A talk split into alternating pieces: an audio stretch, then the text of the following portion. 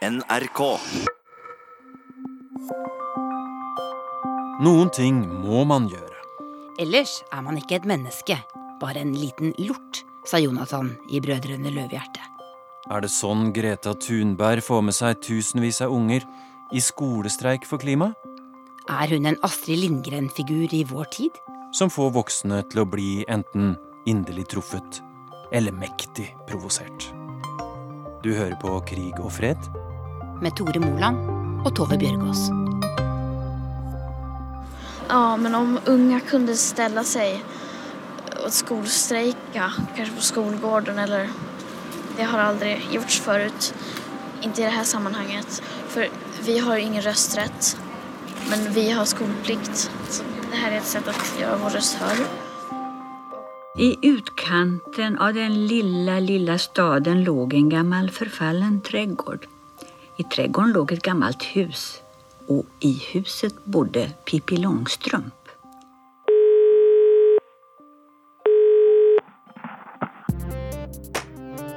Jag heter Per Svensson och jag är politisk redaktör på Dagens Nyheter. Per Svensson, tilbake i mars så skrev du en eh, leder i Dagens Nyheter eh, hvor du sammenlignet Greta Thunberg med, med Pippi. Hvorfor gjorde du det? Ja, dels finns det ju en rent yttre likhet med, med flätorna och eh, den här lite kavata framtoningen som både Pippi och Greta Thunberg har.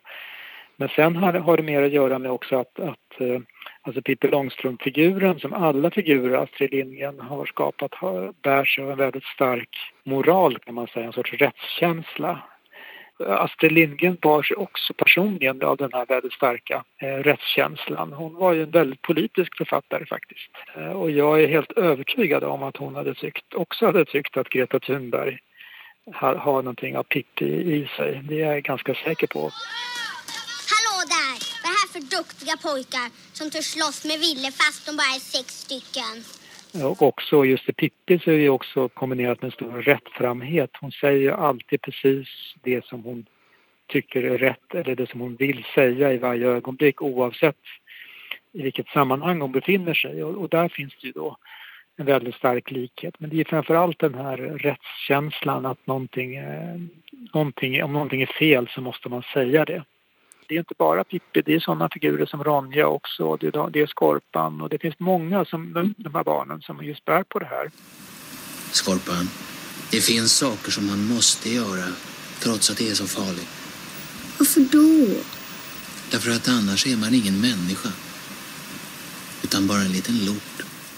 För Astrid Lindgren är det, eh, som hon nu låter Skorpan säga, att man måste göra vissa saker annars är man en liten lort. Att hon känner igen det där i Greta Thunberg. Greta Thunberg säger att ja, jag måste göra någonting och så sätter hon sig eh, i Stockholm för ett år sedan och inleder den här klimatstrejken helt ensam med sitt lilla plakat. Och det är häpnadsväckande. På ett år har det blivit en rörelse, av, alltså global rörelse där hon är en av hon kanske kommer att gå till historien som den mest kända svensken någonsin. Du tror det? Den mest kjente noensinne? Ja, eh, både den rent kvantitativt, det är så många fler nu som kan känna, känna till henne så att säga, men, men, via då, men via den massmediala situationen som nu råder, den spridningen som, som var sociala medier och andra medier, så tror jag att man, eh, hon, hon kan åtminstone göra anspråk på att vara en av de att bli en av de absolut mest kända svenskarna. So when I was 11 I became ill. I fell into depression. I stopped talking I en TED-talk forteller Greta Thunberg om hvordan hun ble så deprimert at hun slutta både å spise og å snakke som elleveåring. Først fikk hun flere diagnoser. Aspergers syndrom, som er en mild form for autisme, tvangslidelse og selektiv mutisme, en tilstand der barn og unge ikke vil snakke i visse sammenhenger. Det var klimaengasjementet som fikk henne til å fungere igjen, sier hun. That basically means I only speak when I think it's necessary. Now was one of those moments.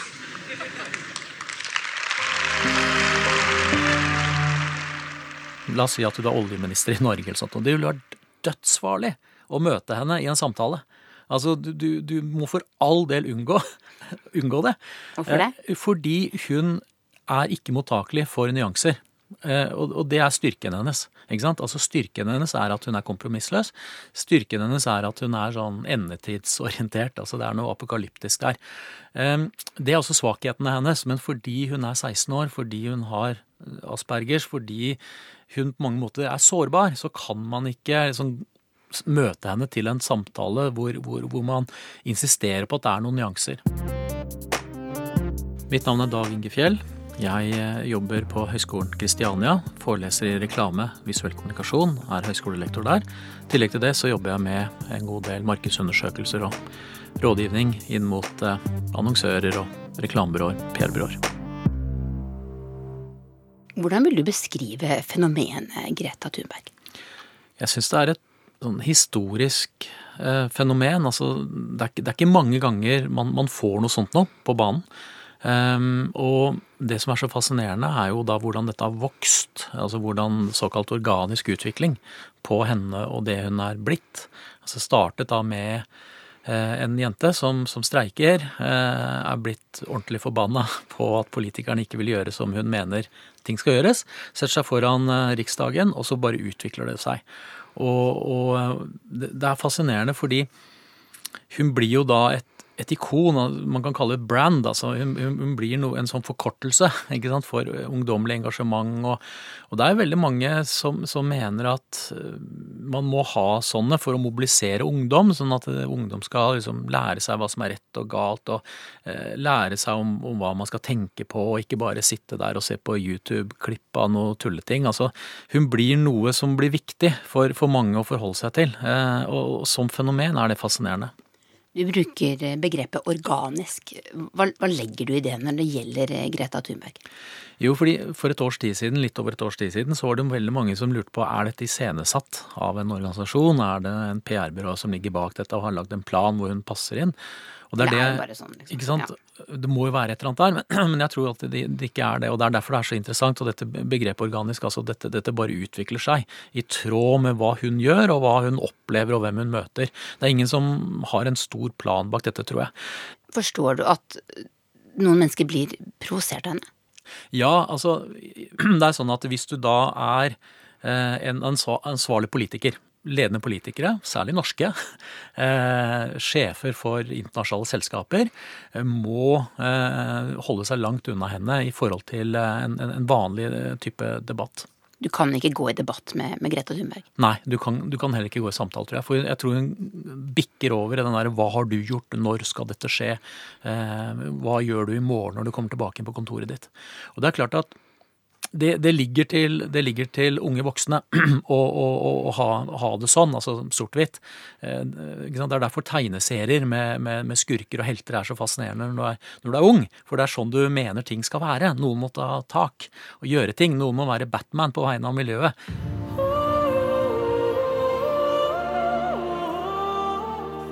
Greta Thunberg kommer ikke fra noen gjennomsnittsfamilie. Mora er operasanger Malena Ernmann som representerte Sverige i Eurovision i 2009.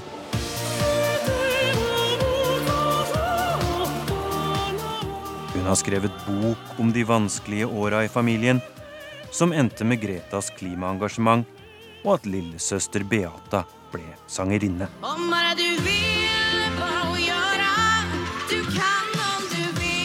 Faren Svante er skuespiller og forfatter, og bruker nå mye tid på Gretas kampsak.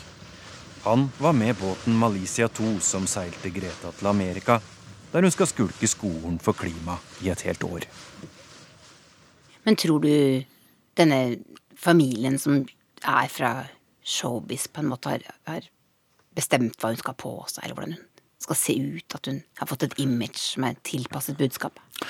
Altså Moren, som er operasanger, er jo vant med å, å iscenesette seg med litt ulike kostymer. Hun, er, hun, skjønner eh, visuell kommunikasjon. Disse flettene er jo, er jo Pippi Langstrømpe prototype. Så, så, jeg tenker altså jeg, jeg, jeg, jeg, tenker det at hun, hun sier det greit, at dette er mest praktisk å flette det sånn. Slipper du at eh, når det kommer vind og osv. osv. Men det vi leser av det, det vi dekoder, er en form for sånn Pippi Langstrømpe-aktig assosiasjon. Det er sånn semiotikk fungerer. Og det, det, det, det, skjønner de foreldrene. Men fra å være den lille jenta i gul regnjakke utenfor Riksdagen i Stockholm, så gikk hun i land fra denne seilbåten i New York i sort kjeledress med sitt eget navn på. Det har åpenbart skjedd noe på veien her. Hva slags global merkevare snakker vi om nå? Altså jeg, så, jeg så noen klipp på ABC-nyhetene, altså amerikanske, og jeg tror det også på, på CNBC. Eller MSNBC heter det vel. Og, da, og det som er så fascinerende, er at hun da kommer eh, i, i, land der. Og de, de, har jo da video av henne. ikke sant, Sitter foran i båten, seiler inn. Det er noe sånn veldig fascinerende med, med, hvordan de har valgt ut dette. Og ikke minst når hun da kommer i havn, så har de med redda klima Altså, de har plakater på svensk. ikke sant? Og, det er fascinerende. De fleste har et forhold til Sverige, altså assosiasjonsmessig sterke fenomener kommer derfra. Sterke, sterke jenter. Pippi Langstrømpe. Eh, så det er klart at, at da, det, blir så mye mer troverdig når det er da fra, fra Sverige. Altså Hadde dette vært fra, eh, fra USA, så, så, så, ville det ikke vært det samme. Altså, det, det, må være noe som er litt annerledes, men som er annerledes på en sånn strategisk måte. Well, all of this is very overwhelming, and uh, the ground is still shaking for me. Uh, so But I want to thank everyone so much. Hva slags interesser tror du står bak henne? Hva slags eh, eh, merkevarebygging er det som foregår? Her kan vi bare spekulere, men, men jeg, tipper at, eh, jeg, tipper det at, foreldrene må ha, må ha, en sånn praktisk utfordring med å, å, få gjort alt det som må gjøres. Så jeg, så jeg er sikker på det at foreldrene har kanskje ringt til noen de kjenner som jobber i Greenpeace, noen som jobber i World Wildlife Foundation og spurt har dere noe som kan hjelpe oss. Eh, vi, vi, trenger hjelp til å både sortere henvendelser, hjelp til å, til å lage forslag til, til, ting som Greta skal, skal, snakke om, hva hun skal skrive eventuelt. Sånn at, det er nok sånn at jeg tror hele kategorien av miljøorganisasjoner skal vi si, stiller opp og gjør en innsats for henne. Det tror jeg foregår.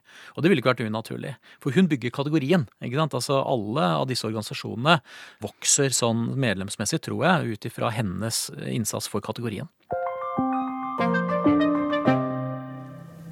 Jeg har lyst til å ha barn, men kanskje det er veldig egoistisk tenkt også.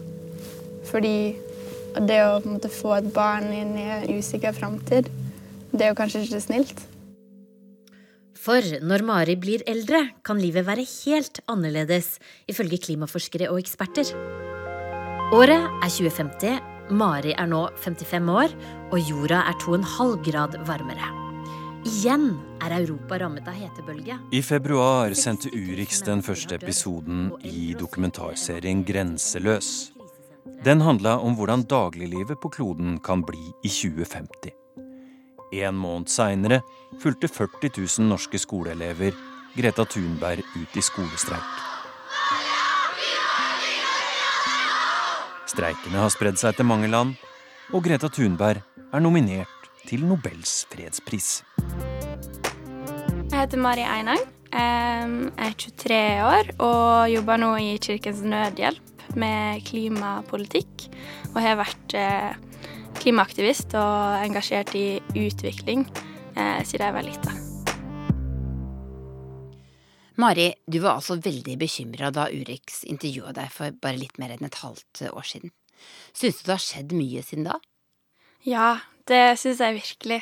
Etter innspillinga av det programmet så, så reiste jeg sjøl til klimaforhandlingene i Polen, FN sine forhandlinger, og møtte Greta Thunberg. Og siden da så har vi hatt skolestreiker i Norge og resten av verden. Vi samla 40 000 i Norge, og ja, resten av verden har også streika. Vi har hatt klimabrølet, og bare i media så ser man at klima er mer nevnt. Eh, og det, det, er lettere å, få diskutere det faktiske innholdet i klimapolitikken.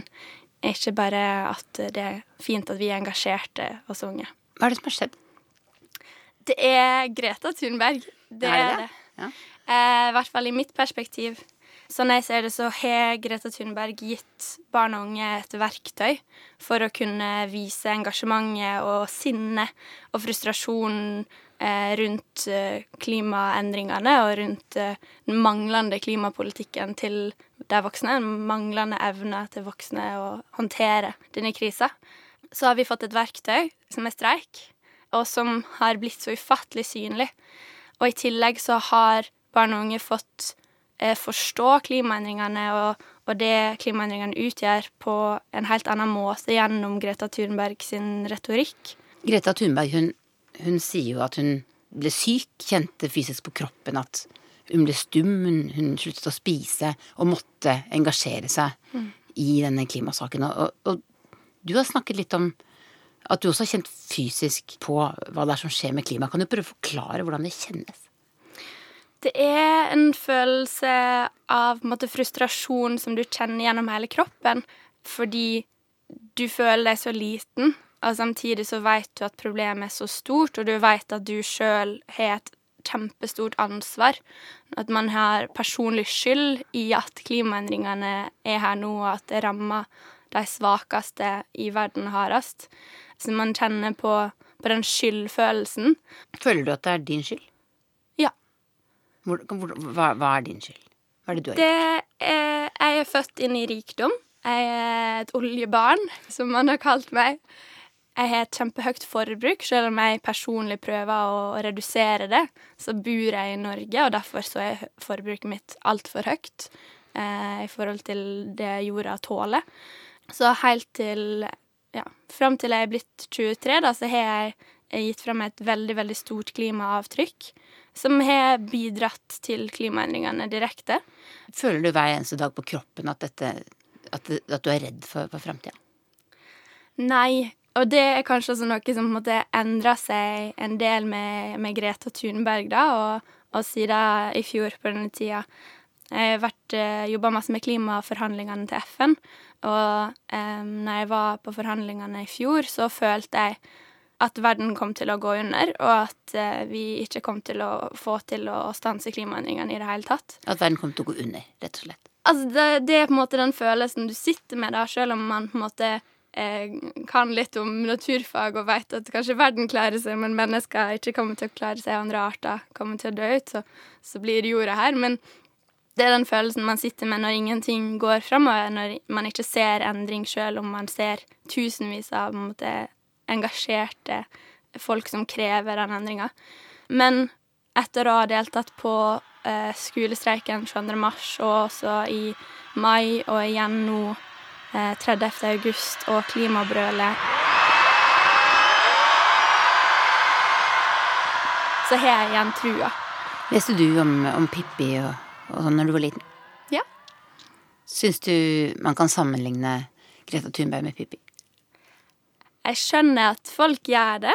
Jeg ser på en måte noen likhetstrekk også, um, spesielt musflettene. Men uh, annet enn det så er det jo den sterke viljen uh, og det motet som hun har, som har vært avgjørende også for at hun klarte å få i gang streikene, men også at hun, hun klarte å, å, å dele det med resten av verden.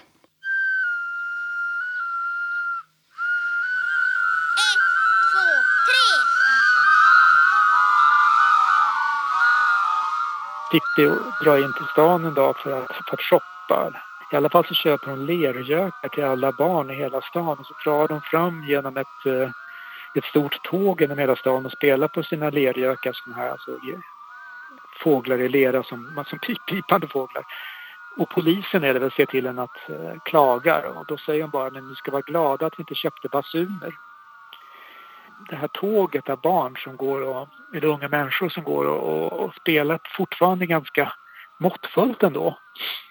Eh, men, men där det finns en, en, potential för en väldigt stor vrede som kommer att rikta sig tror jag mot min generation och eh, också lite yngre generationer. Det är ändå vi som har ställt till den, det som det, där, som det nu är så att säga. Vi som har haft det väldigt bra efter kriget som, som har njutit av detta och också i någon mening gjort det eh, väldigt svårt för våra barn och barnbarn att fortsette forvalte jorden. Hvordan er eh, debatten i Sverige nå om, om Greta Thunberg? Jeg syns at det finnes en, en, eh, en for meg svårbegriplig uh, Greta et Greta-hat, skulle jeg nesten si, hos visse vissa kretsar. Man ser det man är ute på nätet där man kan hitta små nålstick i en del ledarartiklar och så där det talas om hysteri och eh, att man i, in, man i nedsättande mening talar om detta som en religiös väckelse, att det har funnits barnhelgon förut och Jeanne d'Arc och sådana här saker, att eh, det här är bara ett uttryck för en gammal medeltida helgondyrkan och sådana saker. Jag tycker det är väldigt fånigt därför att Greta Thunberg, det speciella med henne er at hun jo ikke gjør anspråk på å besitte mer kunnskap egentlig enn noen annen. Hun sier hele tiden at 'jeg har inga svar men man, man måtte lyssna på vitenskapsmennene'.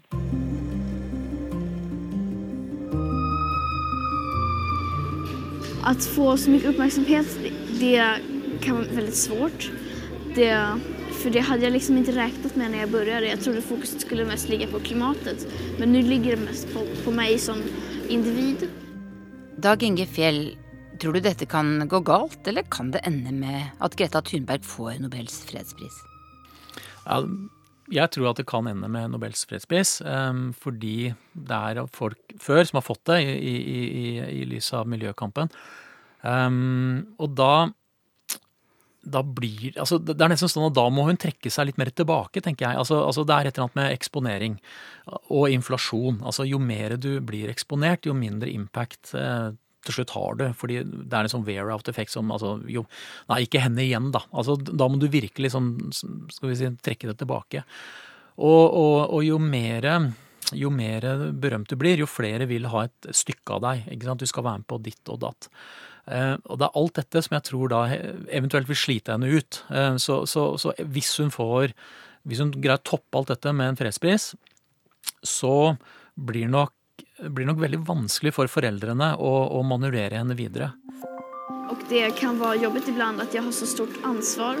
At folk hele tiden vil ta bild. Og det kan være jobbigt. Jeg syns ikke om å være uh, få så mye oppmerksomhet. Å være i sentrum hele tiden. För om ni förväntar er att ta en bild med henne precis just nu så kommer det inte hända. Då är det absolut bäst att gå upp Du har hørt Krig og fred, en podkast fra NRK Urix. Lydregien var ved Hans Ole Hummelvold.